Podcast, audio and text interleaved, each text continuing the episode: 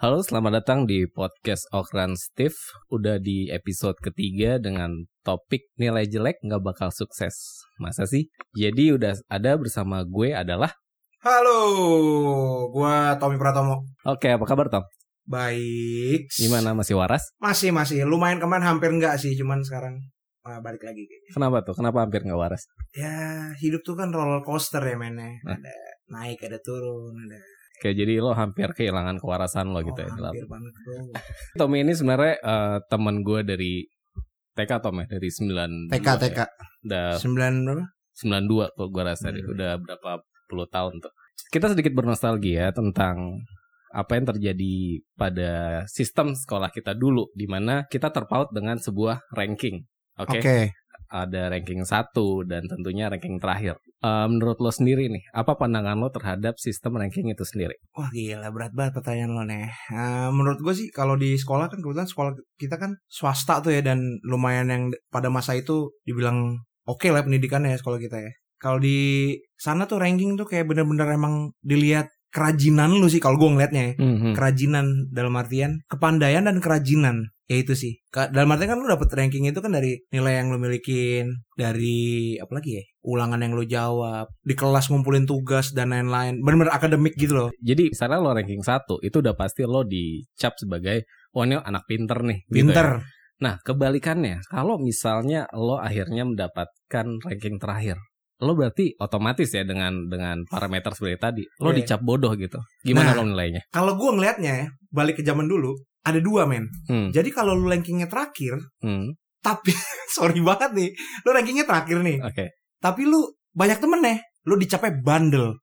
Tapi oke, ha-ha. kalau lu ranking terakhir, udah gitu lu nggak punya teman, ini anak emang bego. Jadi emang emang dari dulu tuh stereotip stereotip dari kecil tuh kita udah di apa ya, diper- ditumbuhin gitu kayaknya. Lu sadar gak sih kalau lu, oh lu ranking ranking cupu nih, Hmm. tapi dia banyak temennya nih anjing anak bandel nih tapi giliran kalau dia ini tapi gak punya temen bego Oke, eh, berarti sebenarnya itu agak destruktif ya dalam oh iya banget gue nggak bisa gitu dalam satu mata pelajaran. Iya. gitu. Akhirnya gue dapet ranking terakhir dan semua orang ngecap gue bego gitu. Itu kan sebuah sistem di mana ada stereotip yang seharusnya sih itu nggak perlu terjadi ya. Iya. Kalau seandainya masa sekarang nih, lo lo menganggap itu masih relevan nggak? wah kalau di kehidupan kayak sekarang nih udah nggak relevan soalnya eh, buat yang kita sekarang yang udah udah udah di apa industri gitu sama yang mungkin yang anak-anak yang sekarang emang menurut gua sistem pendidikannya juga harus dirubah sih. Karena yang ngerasain kita nih yang Hmm.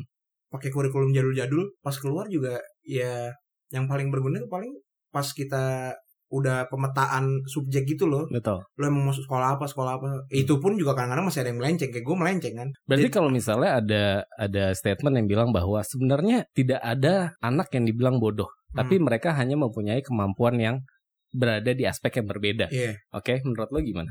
itu gue lumayan setuju sih Hmm. cuman kan emang dari awal kita dimasukin sekolah tuh supaya seragam men baju seragam kos kaki aja nggak boleh beda sepatu harus sama satunya ppkn 9 nih kalau bisa satu kelas 9 bahasa Indonesia nya kalau bisa satu kelas delapan setengah ya kalau bisa Hmm. delapan setengah kalau satunya ini biologinya bagus sih satu kelas harus bagus tapi ada satu mata pelajaran yang orang segitu nggak pedulinya men Apa tuh? Nih gue rasain nih Hmm, hmm. dan gue pun juga dulu nggak peduli sama mata pelajaran ini. Muatan lokal sama KTK. Padahal itu sih kebudayaan, itu isinya seni yang memang menurut gue pada saat itu aja gue gue nggak bisa main seruling, gue nggak bisa main apa-apa. Tapi gue kayak sekarang gue sadar ketika apa poin-poin yang dilewatin sebenarnya itu juga sebenarnya bisa memberikan aspek yang beda gitu buat kehidupan pas udah terjun gitu ke industri. Oke. Sedangkan di kita Mhm. di di po- di pojokinnya supaya untuk yang akademisi akademisi yang Betul. gitu kan ngerti kan lo Berarti sebenarnya eh, kalau kita lihat eh, merujuk pada cita-cita zaman Hmm. dulu gitu ya. Jadi untuk menunjang cita-cita itu kita diarahkan ke nilai akademis yang bagus. Sedangkan eh, begitu kita terlibat di industri yang lebih luas gitu ya, Iya. eh, itu udah nggak lagi relevan sebenarnya ya, nilai akademis itu gitu. relevan untuk dikumpulkan sebagai dokumen mungkin Selesai untuk yang nostalgia itu mengenai sistem ranking. Lo tadi berbicara tentang lo nggak bisa main seruling segala macam. Dari sekian banyak instrumen yang ada sekarang gitu ya, melihat apa yang lo lakukan sekarang, kenapa saxophone? wah kalau itu beda lagi tuh Hmm. ceritanya gue gue sama sekali dulu nggak ada keinginan buat main saxophone sampai kuliah pun juga lu tahu gue kuliah di culinary gitu kan ya gue tiba-tiba aja tuh gue emang dari dulu tuh pengen ngeband tapi gue nggak tahu mau main apa gitu di band Hmm. Terus berarti gimana? Kapan dan bagaimana itu semua dimulai? jadi waktu gue eh, gue lagi cabut lagi cabut kuliah terus gue ke mall ke mall di selatan lah ada di bilangan Pondok Indah Nah, terus di situ tuh ada launching partinya sebuah brand mobil nah di brand mobil itu bintang tamunya tuh Dave Coase pemain saxophone yang padahal juga zaman dulu gue nggak tahu itu dia siapa kan cuman Wih keren aja gitu kok ngeliat dia dari dari deket banget kan soalnya wah keren main ginian ya. Nah udah bener-bener kayak snap aja gitu kayak wah pengen nih. Berarti momentum pada saat lo melihat uh, orang itu bermain saxophone, di situ lo ngerasa bahwa oke ini buat gue nih gitu. Iya, gue malah eh, enggak, gue nggak bilang itu, wah this is my life nih, Hmm, enggak. hmm. Gue cuma sebatas kayak, wih gue harus punya sih benda ini. Itu dulu gue. Pas udah beli pun juga gue nggak tahu buat apa. Akhirnya gue buat foto-foto kan kakak gue main kamera kan, foto-foto nggak jelas. Zaman zaman apa sih Friendster dulu Hmm. posting foto yang penting main saxophone dan segala macam. Sampai akhirnya kan gue ngerasa nih, ini kalau gue beginiin doang nih benda jadi sia-sia. Akhirnya makanya gue cari cara gimana cara biar bunyi. Yang Hmm. tadinya iseng lama kok gue jadi seneng gitu. Terus diajakin main main yang tadinya nih ini perubahannya adalah yang tadinya gue buat happy happy terus tiba-tiba gue kan orangnya lumayan kompetitif tuh kan. Hmm, pas gue bawa ke suatu perkumpulan gitu yang tadi gue cuma buat bawa itu buat happy happy terus mereka kayak wah anjir suara jelek jadi gue nge-challenge diri gue sendiri oke. Karena mereka ngomongnya cukup Nyakitin. nyakitin gitu kan Hmm, jadi hmm. kayak oh, oke gue gue bakal pelajarin nih sampai sampai benar gitu nah pas udah sampai eranya gue belajar ah, bunyiin segala macem ya udah gue di situ tiba-tiba jadi kayak kecemplung gitu loh diajakin main sama si ini dan kebetulan mungkin eh, kecemplungnya di teman-teman yang ngasih good vibe juga ya Hmm. jadi ya udah sampai hari ini deh udah Oke, berarti dalam proses perjalanan lo untuk satu memilih uh, saxophone dan uh, proses itu tadi berjalan, sebenarnya hambatan terbesar dalam lo um, menjiwai saxophone itu sendiri apa? diri lu sendiri sih karena semua hal ya. Contohnya? contohnya ya kayak lu males latihan lah. Kadang-kadang lu udah ngerasa ada momennya lu udah ngerasa ah gue udah banyak main males latihan ntar juga main. Dan itu sangat berbahaya buat seniman men. Uh, berarti sebenarnya lawan terbesarnya adalah diri lo sendiri pada saat lo ngerasa, oke ini udah cukup nih di state ini gitu. gue gue bukan ngerasa udah cukup bukan. Tapi males, Males. lu lu tahu lu harus tapi ah, ntar aja lah. Tapi padahal kalau lu sehari nggak niup dua hari nggak niup itu otot lu berubah semua. Motorik lu berubah semua sensorik lu berubah semua. Speed lu bisa turun sense eh, solfeggio lu pendengaran lu bisa menurun segala macem. Ini kayak gini nih gue apa psbb gini. Gue kemarin awal-awal first week gue Hmm. sibuknya bikin apa bikin yang lain. Habis itu gue coba main kaku men. Stamina menurun segala macam. makanya dari kemarin gue mulai ya dari pertengahan bulan pertama lah gue mulai ya udah tiap hari gue makanya main gue live sejam yang penting gue gerak gitu ibarat mesin lah lu nggak dilumasin mesin aja rantai putus kan Dan kalau misalnya orang-orang melihat seorang Tommy Pratomo kan memang semua berbicara tentang success story gimana lo di atas panggung, Iya. single-single dan album yang udah lo keluarin tanpa sebenarnya mereka paham uh, proses yang lo lewatin itu seperti apa sih ups and down-nya gitu. Hmm. Dari lo sendiri lo pernah ngerasa lo ada di sebuah lowest point? oh ada banget Apa tuh? ya mungkin kayak karir yang lain waktu itu gue sempet bermain di satu tempat satu band terus menerus sampai jadinya menurut gue gue bermain secara hafalan. Terus gue merasa udah puas dengan gini gitu dan ada pencapaian-pencapaian yang menurut gue eh apa ya Semu. bukan semu sih ya bocah aja gitu. Aha. bocah banget lah gue ya gue mikir gitu. Sampai akhirnya mungkin gue ke gem, di gemblengnya lagi gue keluar dari situ. Gue mengeluarkan apa gue memutuskan untuk gue cabut. Berarti itu zona Gua- nyaman. itu zona nyaman buat gue ya lu lu tinggal main hal yang sama terus bertahun-tahun tanpa me- perlu memikirkan yang lain jadwal datang terus otomatis duit datang terus umur lu segitu apa yang mesti lu pikirin dengan penghasilan segitu di umur segitu yang mungkin gue bisa jajarin sama teman-teman gue yang sangkatan mereka lagi bersusah payah gue udah slow relax mau ngapa-ngapain tapi jadinya gue manja Oke, berarti sebenarnya selain males itu sendiri, bahaya nomor dua itu sebenarnya comfort zone. Yes, comfort zone. Comfort Hmm. zone yang tidak meng-growing up lu untuk secara visi musik lu atau apa pun. Karena menurut gue di, di seni itu ada ada banyak comfort zone. Hmm. Ada yang berbahaya, ada yang enggak. Yang berbahaya yang itu yang lu udah ngerasa ah udah lagi nih aja tinggal main hal yang sama besok juga main lagi. Got some money, Hmm, pam pam pam. And then apa yang lu pikirin nggak ada lu. Akhirnya secara tidak sadar musikalitas lu menurun. pada saat lo berbicara tentang grow dan lo ingin keluar eh, dari comfort zone itu, kita berbicara tentang challenge. Challenge. Oke. Dan bagaimana sih se- sebenarnya seorang eh, seniman di sini Hmm. dia harus men-challenge dirinya sendiri gitu dalam kapasitas seperti apa? kayak pada masa itu kan gue bisa dibilang gue lagi gemar banget bukan gemar ya kok gemar sih gue lagi menjalani namanya fase awal gue main musik tuh session player terus main komunitas sana sini it's happy man gue gather banyak teman dari situ network ilmu dan lain-lain akhirnya gue masuk yang tadi di fase yang tadi itu yang gue main di satu tempat terus Iya. karena mungkin mereka oh udah main sama gue oke sampai akhirnya gue pikir kalau gue do the same cycle kan kalau kayak gitu kan gue depends on the artist kan Iya. I'm not the artist betul I'm a session gitu I'm depend on the artist akhirnya gue pikir I wanna do something more aja gitu Berarti pada saat lo keluar dari comfort zone itu lo men-challenge di diri lo gitu ya. Hah. Lo pergi ke sesuatu tempat, suatu fase yang sebenarnya lo sendiri nggak tahu atau sebenarnya lo udah mempersiapkan itu sebelum lo keluar. tahu men men gue milih jalur ini gue nggak tahu. Lu tahu gue men. Gue Hmm. background gue apa tiba-tiba gue mau ke sini gue nggak tahu.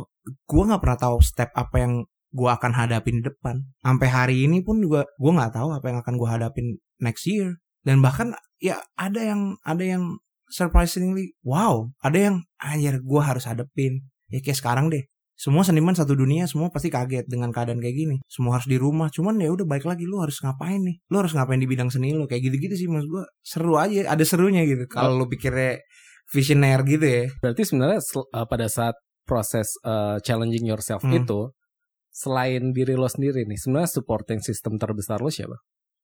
God sih man. You put God first on your life.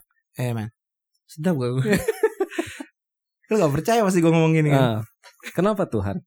ya kenapa enggak gitu kan selalu sih gue gue mungkin orang ngeliat gue tuh "Wah, anjing lu orang ini anak bangsat nih nggak jelas ya, Oke. apa macam." tapi ya kayak gini-gini gue nggak pernah emang nggak pernah gue bukan orang yang ngepost Eh, Injil atau betul, apa betul. gitu tapi ya kalau ngobrol kayak gini emang orang nanya pasti gue mah nggak nggak nggak nggak pernah apa ya nggak pernah malu buat bilang gitu buat apa juga kan emang gue pasti kalau apa apa gue pasti taruh doa dulu aja sih ngobrol lah gue ngobrol sama Doski kan pada saat lo ngerasa bahwa oke gue keluar dari into the unknown gitu ya. Hmm. Sebenarnya tembok terbesar apa sih yang menghalangi lo tuh untuk maju terlepas itu dari diri lo ya. Mungkin ini Hmm. kita berbicara tentang faktor Hmm. eksternal. Hmm. Ada nggak? faktor eksternal yang pasti eh, dari musik itu industri Industri. dari industri itu lu udah nemuin udah nemuin namanya tantangannya di situ lu tutup juga untuk lu eh, lu berani nggak untuk sacrifice something gitu kayak time money maybe hangout time lu sama teman-teman lu atau dan itu yang gua lakuin sih. Kadang juga lu harus ngorbanin kerjaan. Dalam artian lu ada sesuatu yang mesti lu lakukan lu harus invest time di suatu project atau apa gitu tapi lu ada kerjaan yang bisa lu ambil nih. Oke lah jangan gua nggak nggak ambil dulu lah gua harus ngerjain sesuatu ini yang bisa untuk future gitu Berarti sebenarnya lo nggak bisa untuk mengambil semua yang lo mau hari itu ya. Berarti memang harus ada pengorbanan yang dilakukan. Yes, menurut gue untuk lo mencapai sesuatu yang lain lo harus ada yang dikorbankan sih. Karena kita berbicara tentang lo udah melewati banyak panggung, lo udah melewati banyak album, lo juga udah main sama orang-orang yang gue yakin zaman sekolah someone you look up to gitu ya.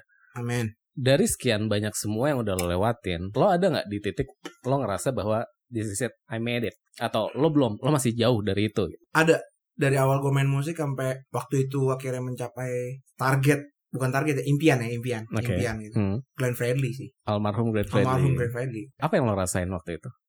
Atau Gua- atau atau kita kita mundur dulu ke Nah. bagaimana sih awal mulai ceritanya gitu. Ya dari kecil ya udah tau lah siapa tapi lebih amazing lagi ketika gue masuk industri tuh gue kenapa pengen banget main sama dia karena semua musisi tahu lah satu Indonesia bandnya dia dan dianya itu udah kayak Avenger man Di dunia permusikan Di dunia- Indonesia. musik Indonesia dan Hmm. Ini nggak ngomong Indonesia ya gue pernah main di eh, Southeast Asia. Band luarnya bawain lagu covernya lagu dia maksud gue ini yang gue tahu ya dan gue sangat amazed sama apa yang dia buat aja kayak eh yang gue gue nggak nggak nggak nggak nggak neko-neko sih. Dia emang keren aja gitu Oke. menurut gue secara karir karir musiknya terus Hmm. bandnya men. Emang lu sebagai anak band lu pasti pengen ngeband sama orang-orang yang kayak gitu yang powernya apa vibe-nya tuh kayak gitu. Kayak apa ya kalau kalau Dragon Ball tuh kayak super saiyan gitu loh.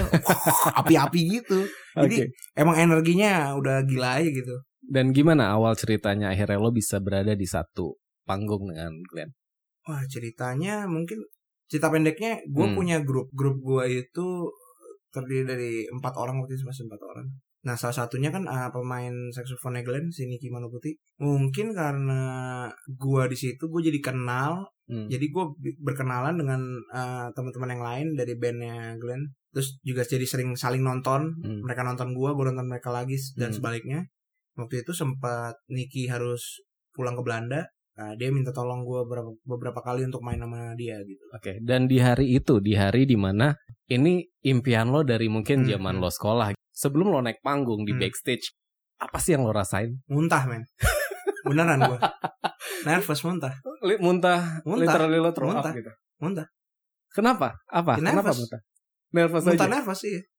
Uh, uh, gitu. Tapi kan lo menyiapkan ini cukup lama sebenarnya. Kalau boleh tahu berapa lama tuh persiapan lo untuk di panggung itu? eh apa ya faktanya nih main sama dia itu nggak pernah dapat songlist yang pasti dalam artian lo bisa berubah semua udah di panggung challenging banget kan dengan aransemennya nggak gampang dan nggak pernah ada yang latihan gitu maksud gue emang dia Apa? Bisa bilang improvisasi gitu? Bukan, beda. nggak juga jadi lo emang bener-bener dipercayakan aja gitu jadi gue pelajarin bener-bener gue pelajarin aja semua lagu yang dia kasih Tapi yang ada. even gak dikasih pun gue dengerin gitu jadi tiba-tiba di panggung dia eh bawain lagu ini guys ya Itu di panggung. di panggung Berarti nggak ada. that's station player man nowadays ya udah kita ready to fight. Berarti nggak ada song list di atas ada panggung tuh yang ada pun juga dia suka rubah-rubah. Dan itulah dia emang uniknya dia itu. Dan kita semua pun tahu. Berarti sebenarnya lo diwajibkan untuk siap untuk semua uh, circumstances yang dibawa oleh beliau gitu kan. sudut pandang gue itu gue diwajibkan. Tapi kalau gue lihat dari sudut pandang dia lo bisa. Dia menaruh kepercayaan itu ke Yes. timnya, ke that's why gue ngerasa timnya dia tuh gila men. Energinya tuh keluarnya udah kayak dia berani banget ngasih space untuk setiap orang di tempat di bandnya dia. Untuk shining segala macem. Silakan stage yours stage is all yours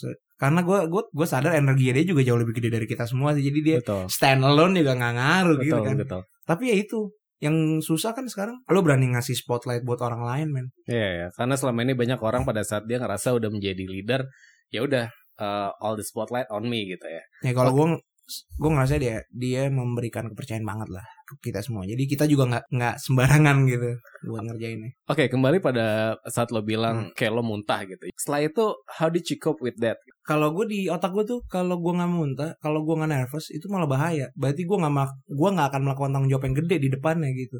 Gue pernah soalnya manggung nggak ada rasa grogi nggak ada apa berantakan manggungnya. Oh gitu. Bener. Tapi kalau begitu gue nervous, gue sampai yang wah wah wah gitu, gue malah lebih aware nih, gue worry nih, ada something yang gue akan emban nih di depannya nih. Tapi ya begitu udah naik panggung, lampu udah nembak, begitu udah bunyi, bam, semua hilang. Itu the the magic, the power of musik tuh emang Iya, iya, iya. nggak ngerti iya. gue juga sampai hari ini. Tapi ya itu yang kalau lo tanya kayak gimana lo cara nanggulanginnya, ya gue naik ke panggung aja, Naik ke panggung aja. main aja udah. Dan membiarkan panggung itu, lo menjadi diri lo sendiri di Yes, atas panggung yes. itu. Yes. Nice. Lalu eh, berbicara tentang industri musik gitu ya eh, dan faktor kesuksesan di belakangnya. Sebenarnya Hmm. dalam dunia musisi pintar atau skillful gitu ya. Lo lo pintar dalam mainkan instrumen atau lo butuh skill Hmm. lain nggak? Atau jago aja cukup gitu atau Wah, kayak dalam segala industri jago aja nggak cukup ya. Ya kan lu ngomong ini kan industri gitu. Lu kerja sama orang. Jangan pernah lupa untuk sosialisasi juga sih sama orang. Hmm, artian networking. Lu bisa main itu menurut gua wajib. oke. Kayak itu udah nggak perlu diomongin dah. Lo kalau udah lo mau masuk industri, lu udah mau kerja di sini, otomatis orang kasih apa lo harus makan gitu kan, harus kerjain gitu. Lo harus ready to fight, lo harus bisa untuk apa network, lo harus tahu sosialisasi sama orang. Tapi satu sih yang selalu gue camkan, ini Hmm. gue juga dari teman gue nih anjir. Jago itu relatif, Jago itu relatif. yang penting bisa. Yang penting bisa. Iya men Banyak jalan menuju Roma Yang penting bisa Gue bilang sama lu Gue butuh jingle nih Buat podcast gue Bikinin Hmm. dong kak kalau lu udah bilang oke Tom gue bikin. Lu harus kerjain menurut gue lu Hmm. tanggung jawab. Tapi cara gimana? Lu bilang tadi sama gue lu gak ngerti logic lu gak ngerti audio apa segala Hmm. tapi lu punya jingle katanya gimana tadi kata-kata lu Eh, Lu dapet dari apa? Dap- lah. Hmm. bikin dari mana Hmm. that's that's the way man Tapi- banyak jalan menuju Roma Betul, tapi bukannya eh, dengan cara seperti itu sebenarnya nggak menunjukkan karakter lo gitu ya. Yang muncul di permukaan Yeah. bahwa It's- oh ini sebenarnya karya ini nih, ini sebenarnya karya si A, karya si B. gitu. Nah itu kan kalau lo lihat se- se- segelimpengnya kan Yang kita butuhin sebenarnya kan eksekusi dari sebuah ide Eksekusi dari sebuah ide. Makanya Gimana cara biar dapat ide yang fresh terus Don't close your eyes man Open wide Lihat referensi Berarti itu bisa datang dari mana aja Yes, sebenarnya ya. Oke, berarti kembali ke skill set selain lo memang udah harus bisa main, kedua networking dan karena kita berbicara tentang industri lo harus juga bisa bekerja dengan orang lain Yeah. juga. Satu pertanyaan gitu, pada saat lo masuk ke dalam sebuah industri, masing-masing individu kan membawa sebuah idealisme. Bagaimana lo berkompromi dengan idealisme lo dan industri yang lo berkecimpung? Jadilah orang yang idealis tapi ideal. Idealis tapi ideal. Yes. Gimana tuh maksudnya? Ya kalau lo mau jadi orang idealis lo harus tahu kenapa lo idealis. Idealis itu nih apa nih? Gue suka banget Black Panther main Wakanda. Kenapa? Ya gue suka. Karena apa? Ya gue suka aja. Ya nggak bisa lah. Kok nggak bisa? Ya gue suka. Ya gue harus tahu kenapa lo idealis sama Wakanda. Oke. Kalau lo kenapa? Kalau gue, gue suka Wakanda kenapa? Dia dia into culture man. Tapi dia modern. Dia absorb future. Tapi dia uh, konservatif. Dia nggak meninggalkan, meninggalkan adatnya. Dia learn something new about the technology dia segala macam. Nah itu itu penjelasan. Begitu juga di industri. Dalam artian jadi orang idealis boleh. Kan kita bisa kerja sama orang. Ketika lo udah ngiyain kerjaan itu, lo harus tahu porsi lo di mana. Hmm. Lo harus tahu lo duduk di mana kursi lo. Kadang itu yang banyak orang lupa. They put their idea too much in a wrong place, in a wrong time, in a wrong seat. Itu. Berarti sebenarnya lo harus tahu posisi lo dulu di mana lo yeah, berbicara sebenarnya ya. Dan project lo yang udah lo jalanin salah satunya adalah Sex in the City gitu ya. hmm. ya. Itu ada tiga orang ya. tiga. Dan masing-masing punya idealismenya masing-masing. Yes. Bagaimana lo mengcombine itu menjadi sebuah karya? Kita mengcombine tiga orang ini dulu empat. Kita semua pemikir men. Kita semua punya ide. Tapi yang bikin kita itu sampai hari ini menurut gue ya kita bertiga tuh tahu bumpernya, kompresornya masing-masing. Kalau dia lagi hot, gue tahu buat Mundur. stay back. Kalau satu lagi stay back, lemes, gue tau buat nge-push. Itu terjadi. Kalau gue lagi marah atau lagi bete, yang dua pasti support. Begitu juga Niki lagi capek, pasti yang dua support lagi. Damai lagi banyak kerjaan yang lain, kita kerjaan bagian dia. Ya emang namanya grup tuh menurut gue lebih susah karena lu tiga otak kan bareng. Nah, kalau masalah idealisnya gue misalkan, ini dari sudut pandang gue ya gue punya banyak ide-ide yang bisa gue terapkan sebenarnya kan tapi gue juga melihat kondisinya apakah ini cocok ditaruh di Sex and the City hmm. apakah ini cocok kalau didudukin bareng dengan ide yang lain. Karena kadang-kadang tuh kita obses untuk menaruh ide kita di satu tempat yang tidak seharusnya karena udah keterlanjur nafsu doang, men. Terlanjur nafsu. Terlanjur nafsu. Jadi emang apalagi kalau lo ngegrup, men lo harus tahu banget sih timing segala macam. Karena kita selalu beririsan satu sama yes, lain. betul, kan. betul. Oke, kita tarik mundur nih. Sebelum Sex in the City, lo membawa relax yo minum dulu yo, eh. Gila. Lo membawa personal branding atas nama Tommy Pratomo. Berarti sebenarnya lo ada rasa takut nggak pada saat Tommy Pratomo itu naik dengan segala karya yang lo buat. Ternyata nggak diterima banyak orang. Kan ada perbedaan nih hmm. antara Tommy Pratomo dengan Sex in the City. City. Ada ketakutan nggak pada saat lo keluarin brand Tommy Pratomo ini? Wah, ini sekalinya nggak bagus nih, ini sekalinya apa? Itu akan nyerang langsung ke personal gue gitu. Nah, ketakutan, gue justru ketakutannya adalah ketakutan ke diri gue sendiri kayak gue bisa bikin apa lagi ya. Baik lagi kayak mentok ide lah apa kan suka datang kan. Cuma kalau ketakutan, ntar gimana ya kalau Sex in the City gini tapi sama sekali enggak karena dua-duanya benar-benar yang hal yang berbeda dan gue udah tahu itu gue hmm. emang udah emang gue yang ngedesain itu untuk Tommy Pratomo tuh ya berbeda aja gitu Sex and the City ya begini musiknya Tommy Pratomo ya begini musiknya packagingnya begini mana mana yang lebih menakutkan buat lo? Berkarya di Sex and the City atau Tommy Pratomo itu sendiri? Dua-duanya punya rasa takut sendiri dua-duanya punya uh, apa namanya power sendiri. Karena dua-duanya benar-benar beda desain gak okay. beda desain dalam artian yang satunya itu uh, apa ya analoginya misalkan. Yang satunya donat yang satu hmm. Dunkin Donat gitu. Eh hmm. brand nggak boleh sedap yang satu jual donat terus yang yang gue nih jual lopis atau uh, jual yang beda aja gitu misalkan apa sih sekarang yang lagi hype ya, dan treatmentnya berarti dan treatmentnya berarti berbeda gitu ya beda antara. treatmentnya beda tapi hmm. kita saling hmm. berkesinambungan gue rilis yang ini support yang ini rilis gue bisa support satu sama lain bisa bawain lagu yang berbeda dengan packagingnya masing-masing. Gue bawain lagu gue di Sex and the City dengan arrangement ala Sex and the City. Jadi emang dua hal ini growing up bareng bisa dibilang. Dan kalau misalnya lo berkarya gitu ya, ada satu cerminan di mana lo ngerasa, oh ini karakter karya gue sebelumnya itu lebih diterima nih di masyarakat luas gitu. Hmm. Di karya berikutnya ternyata enggak gitu. Sebenarnya dalam lo berkarya, mana sih yang lebih lo dahulukan?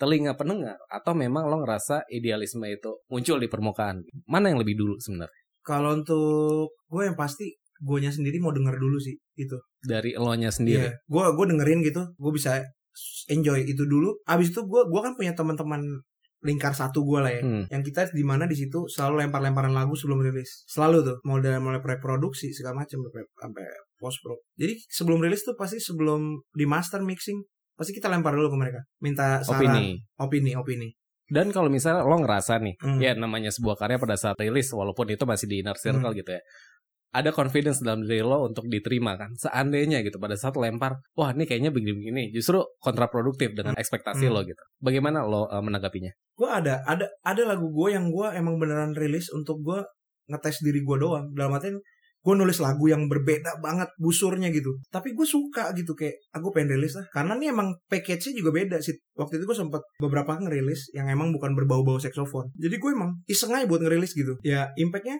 eh, memang kalau dari statistiknya streamnya nggak sebanyak itu. Cuman di satu sisi gue seneng karena oke ini lagu keluar gitu. Katalog lagu gue gitu jadi apa yang gue pernah rilis gitu Berarti sebenarnya lo juga ter- nggak terlalu ambil pusing apakah nanti misalnya karya yang udah lo keluarkan itu kurang diterima atau bagaimana? Lo nggak terlalu ambil pusing untuk gitu. eh mikirin promo pasti sih tetap bikin artwork, promo Hmm, kit hmm. segala macem. Cuma Hmm. balik lagi kan pasar nggak bisa emang nggak bisa ditebak kan. Walaupun pasar bisa kita ciptain dengan kayak kemarin gue tiba-tiba balik bikin smooth jazz lagi. Iya, iya. Tapi untuk hal-hal yang kayak tadi lu tanya, eh, apakah lu takut atau gimana? Gue nggak takut. Cuman gue juga nggak gegabah, nggak nggak nggak ngesampingin gitu. Iya, iya, iya. Jadi ya udah emang itu sebagai pengalaman gue merilis lagu yang berbeda aja gitu. Dulu lo pernah cerita sama gue dan gue inget Tom, apa sih hal terbaik yang terjadi dalam profesi lo bermusik? Lo bilang sama gue pada saat lo naik ke panggung dan lo melihat lo dan penonton itu saling bersinergi gitu, memberikan sebuah atmosfer yang lo ngerasa, wah ini ini ini gila banget sih. Dan penonton nyanyi lagu lo segala macemnya. Kita berbicara tentang apa yang akan terjadi sekarang, the whole new normal. Seandainya konser offline itu diubah menjadi online, entah bagaimana Hmm, caranya gitu ya dan udah beberapa musisi udah menjalani itu Hmm. bagaimana lo melihat itu lo lo merasa ada energi yang kehilangan dari yang lo dapetin dari penonton itu? Gue udah pernah kemarin gue udah sempet beberapa kali bikin konser kamar namanya. oke konser kamar. Kalau dibilang kehilangan, pasti ya energi-energi gitu kan, karena direct banget tuh. betul Tapi kalau kita balikin lagi, kalau emang nih semua orang pada bilang this is the new normal, new normal, offline konser nggak bakal ada, atau ntar konser pakai drive thru apa namanya. Ya mungkin kalau memang harus kejadian, mungkin masalah kebiasaan. Kita juga dulu nggak biasa kan pakai sepatu yang ada air pumpnya. Lama-lama kebiasa enak kan. oke Kita nggak kebiasaan naik Vespa Matic zaman dulu. Lama-lama enak juga. berarti ini hanya hanya masalah adaptasi terhadap waktu dan kon- Menurut gue kondisi segala hal tuh emang kalau memang harus di zaman kan bergulir ya men. Kita nggak pernah tahu men. Gue Hmm, sih sendiri jujur nggak nggak mau kalau kehilangan momen-momen kayak zaman BC BC before corona. BC sekarang before BC corona. sekarang before corona bahaya Iya. nih. Jadi before corona ini ya siapa sih yang mau men? Ah, Nah, lu lu juga pasti nggak mau kan. Cuman baik lagi kalau memang kita diharuskan dengan situasi, men, Ber- ber- berarti memang nggak ada pilihan gitu ya untuk beradaptasi gitu. ya kita harus beradaptasi iya. Beradaptasi dengan situasi. Mungkin nih gue ngomong agak muluk nih. nah gimana tuh kita sekarang oke ah gila konser belum ini ya on air lewat layar doang apa kayak karena mungkin Hmm. teknologinya juga belum nyampe Kita- Tekno- teknologi seperti apa yang ideal untuk menjalankan uh, Karena virtual gua sempat- konser gitu. nah gue sempat berbicara ada teman-teman gue penggiat teknologi audio nih Mhm. dia punya namanya teknologi 4D ya kayak gitu Ma, itu prototype tapi gue udah pernah nyoba yang udah pernah pakai ada satu band ntar gue cerita lu pas udah off air sekarang kita masih di sini nih ah belum nih belum seru tapi kita nggak tahu kan dengan keadaan yang di push seperti ini kita Hmm. harus adaptasi dengan adaptasi kan ada demand kan Betul. ada demand, ada permintaan pasar segala macam. Kita nggak tahu tiba-tiba perusahaan headphone bikin apa atau perusahaan screen sekarang udah bisa apa. Ya, never know, man. Yang orang katanya aja teknologi sekarang kita udah kecepatan kan. Oke, berarti sebenarnya dengan adanya pandemi ini kita dipaksa untuk menuju perubahan yang sebenarnya kita belum ada ancang-ancang. Balik Men. lagi ke zona nyaman sebelumnya ya, karena kita udah terlalu nyaman seperti ini. Jadi Two months before corona, gue nggak pernah berpikir untuk workshop, rekaman, remote dari rumah, rilis, master mixing, preview dari rumah, dan itu lo lakukan selama dari PSBB. rumah, dan gue rilis semua dari rumah. Dan itu nggak perlu lo lakukan sebelum terjadinya pandemi. sebelum karena dulu bisa aja sebenarnya. Cuman Ah, kita nggak mencari nggak tahu caranya nggak kepikiran. Dan Hmm, mungkin memang tidak ada needs untuk itu. Kita bisa masih bisa keluar. Betul. walaupun sebelum corona tuh gue udah mulai muak ke mana-mana macet tuh. Cuman Hmm. gue masih oke lah kita ke studio lah. Tapi dengan begini kayak kemarin gue di di box kan. Wah, lu nggak boleh keluar. PSBB apa? Walaupun ya beli baju ke pasar. Relax toh. ya udah.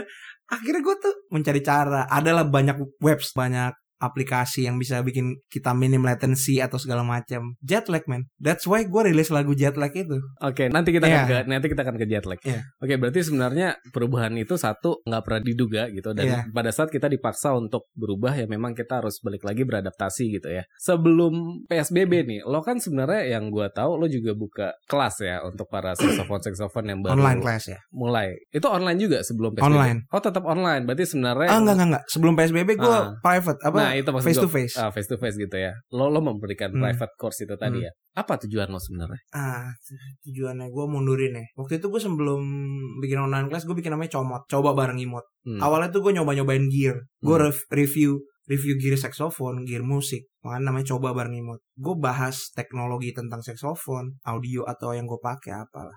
Lama-lama jadi meluas tuh banyak yang nonton dan eh, wah nih seru nih kak bahas ini lagi. bahas- Akhirnya gue daripada gue cuman nggak jelas doang di Instagram atau ngapa-ngapain kan. Makanya gue berpikir eh, untuk sharing tentang ilmu-ilmu yang gue nggak punya pada orang-orang yang pengen punya ilmu itu. Oke. Cara gimana? Gue cuman punya Instagram. Oke, gue bikin platform IG live gue. Gue bikin jadi namanya comot. Coba bareng imut. Itu gue eh, selama hampir. Jadi tuh tahap pertama PSBB tuh gue habisin dengan comot.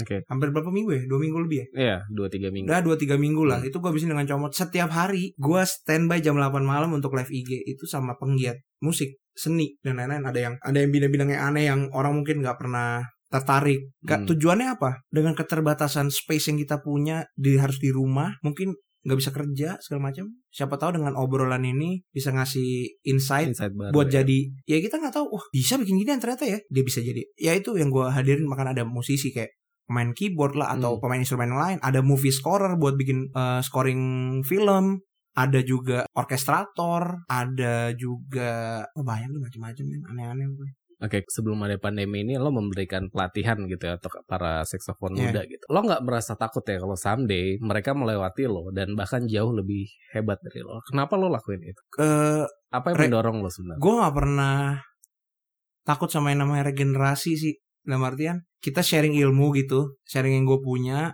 mereka bi- bisa menjadi yang lebih baik untuk bekal mereka juga ya oke ilmu ilmu itu bisa digali terus mau dari gua kayak ntar dia bisa tulis ke si B si C si D Hmm. E sampai Z tapi satu yang pasti karakter men Karakter. karakter ide sama eksekusi Itu yang membedakan sebenarnya satu artis dengan artis lainnya gitu ya. ya satu seniman dengan seniman lain mungkin satu bisnismen dengan bisnismen lain idenya bisa dicuri eksekusinya nggak bisa men. Eh, gue pengen bikin ini loh eh apa ya meja terbang. Biar kerja PSBB-nya bisa ngeliat matahari. Yang satunya ngomong doang yang satunya ngerjain. Dia tahu mesti eh itu we never know man Perbedaan itu yang sebenarnya membuat lo ngerasa bahwa ya semua orang punya semua orang punya warna masing-masing punya warna masing-masing. kalau dan- lu gali lu akan makin semakin semakin menemukan warna lu Dan berbicara tentang saksofon, entah berapa lama lo sudah melakukan ini dan sampai kapan gitu ya. Sebenarnya ada nggak hal lain yang ingin lo lakukan selain yang lo lakukan sekarang? ada banget Saxophone. men. Apa tuh? keliling dunia bener Da- dal- dalam kapasitas apa? Keliling dunia. Lo ngajak lo main dari kafe ke kafe kah atau apa atau lo hanya Ano men Traveling around the world Mau, mau itu Gue pernah pernah punya satu bacotan bego aja gitu Ah, apa tuh? Kayak keliling dunia sambil bawa alat seru ya Hmm. Iya gitu. Gue gak tahu itu kapan terjadi Itu kapan bakal terjadi gitu Cuman kayak Ya walaupun kemarin hampir 3 tahun 4 tahun belakangan ini Kayak gue dapet rezeki aja gitu Main di luar yang aneh-aneh negaranya Yang gue gak, nggak pernah kepikiran Bahkan waktu SD aja gue gak tahu tuh nama negaranya apa gitu kan Ah, ah, ah. tapi itu bisa ke sana gitu kan akhirnya gue mikir bahwa gue kan selama ini kan gue melakukan hobi yang gue suka gue melakukan pekerjaan adalah yang hobi yang gue suka Betul, jadi gue kadang bingung hobi gue apa ya kadang jadi kalau lagi capek lu manusia ada jenuh kan betul. lu lagi capek gitu main apa segala macam apa hobi gue ya? Pelarian lo apa dari Iya. rutinitas gitu ya? Ap- apa? hobi lu apa Hobi gue banyak sih, banyak banget. Salah satunya free diving. ya segala free diving macam. apa Dan basket kan zaman dulu kan Ah, itu Apa nggak menjadi sa untuk satu mata pencarian. Kenapa? Karena gue memisahkan hobi itu. kan nah itu yang Ah. gue nggak punya akhirnya gue Se- pikir Seberapa penting sebenarnya mempunyai hobi buat lo? Penting ternyata Penting karena ternyata. dulu gue gak mikir man last five years nih five or six Hmm. ya hampir dari 2015 sampai hari ini 365 hari men gue kerja men Tanpa menyisihkan hari lo untuk ya libur libur libur ya libur ya tapi nggak tapi libur dal gitu main ya ngerti kan lo Iya, iya, karena iya, lo nggak punya hobi Oke, berarti sebenarnya gini. eh, teman-teman gue yang lain hobinya banyak main PS 4 ada yang main motor, ada yang ngutak-atik mobil, ada yang sekarang main akuarium. Lo nggak ada pelarian sama sekali yang lo merasa bahwa itu personal space lo yang nggak bisa diganggu orang lain. Ya, ternyata personal space gue jalan-jalan. Gue nih, gue Hmm. cerita sama lo. Gue jalan-jalan misalkan lagi main ke negara apa, misalkan main tujuh hari, mainnya Hmm. kan cuma dua hari, Oke. soundcheck sama main. Sisa lima hari gue kadang suka ngilang, duduk di taman, beli bir, duduk aja tuh, ngeliatin bebek. Serius men, Berarti apa tujuannya sebenarnya? Cuman refreshing, cuman refreshing, see a different things, see the world. For real men. Sampai anak lo ngapain sih? Sampai malam makan malam gue baru pulang ke hotel. Duduk duduk di taman. Aneh loh. Kadang-kadang gue jalan kaki. Gue suka banget jalan kaki di luar karena platformnya ada. Di sini kan bagus loh. bagus banget. Jalan kaki. Hmm, hmm. Sampai ini ini baru ya sebulan ya. Sebulan ini Iya, gue baru nemu hobi baru nih akhirnya. Tambahan Apa tuh? sepeda. Kenapa sepeda? Karena kan gara-gara PSBB tuh gue mencari olahraga yang gue gak ketemu orang lah. Terus gue juga bosen di rumah gue pengen sightseeing gitu. Akhirnya ada tak kawan kita nih kalau Nah. dengar nih. Johan Santaruna brengsek kamu. Oscar Site brengsek kamu. Mereka ngenalin gue sama sepeda. Akhirnya mereka nemenin gue lah nyari-nyari sepeda. Dapet lah sepeda. Emang ya ternyata fun gitu naik sepeda tuh. Gue lupa betapa bahagianya naik sepeda zaman SD padahal dulu SD gue naik sepeda lo ke sekolah men. Federal ijo. Berarti sebenarnya dengan apa yang lo lakukan dengan lo berkarya, ada orang menyebutnya dengan aktualisasi diri gitu ya, Ah. di mana wah ini emang gue banget nih. Ah. Ya udah pada saat gue melakukan ini, I don't have to work for the rest of my life gitu Yeah. ya. Ternyata lo nggak bukan nggak menemukan ya, ada hal lain yang lo butuhkan ya dari oh jelas lah iya ya. Gue baru gue gue gue, baru tahu lo sebenarnya. ya mungkin ya itu itu dia yang gue bilang orang lihatnya tuh oh lu mah enak jalan-jalan ke eh, tur Eropa ke Jepang ke Oke. sini ke Asia segala macam Hmm. tapi kan mereka nggak tahu apa yang gue hadapin kan flight lo harus Hmm. bawa barang di airport antri imigrasi keluar masuk paginya langsung soundcheck malamnya langsung main atau Hmm. yang ke pedalaman-pedalaman main di kota ketiga gitu Hmm, ya itu mereka nggak tahu dan mereka nggak perlu tahu Oke. mereka nggak perlu tahu emang gue nggak pernah juga gitu nge-share kayak gitu-gitu di Instagram gue buat apa? Iya. I share only happiness gitu kan. Yang Hmm. orang orang perlu tahu aja gitu. Kayak ngapain sih kesedihan-kesedihan di share-share? Lu Lu apa tadi bilang? Lu butuh lu lu kira you don't have to work the rest of your life. Memang saat gue bermain gue nggak pernah ngerasa itu gue kerja. Cuman justru ketika kayak lagi di rumah nggak ngapa-ngapain nggak ada main gitu misalkan. Ah. weekend gitu nggak ada main. Main nih itu. Nah setelah itu gue selalu ng- ngumpulin libur. Oke. dua minggu tiga minggu Hmm. baru Baru cabut. keluar. Iya, dan itu lebih terstruktur karena misalnya gue mau liburan April awal nih ke, tapi gue Hmm. udah rencananya dari jauh-jauh hari, jadi menunggu tabung Hmm. spesial buat liburan gitu. pada saat lo pertama kali memulai terjun sebagai pemain saksofon Hmm. gitu ya. Sorry, lo lo udah berapa tahun nih? Eh, Eh, Delapan. Kalau secara karya gue rilis pertama 2012.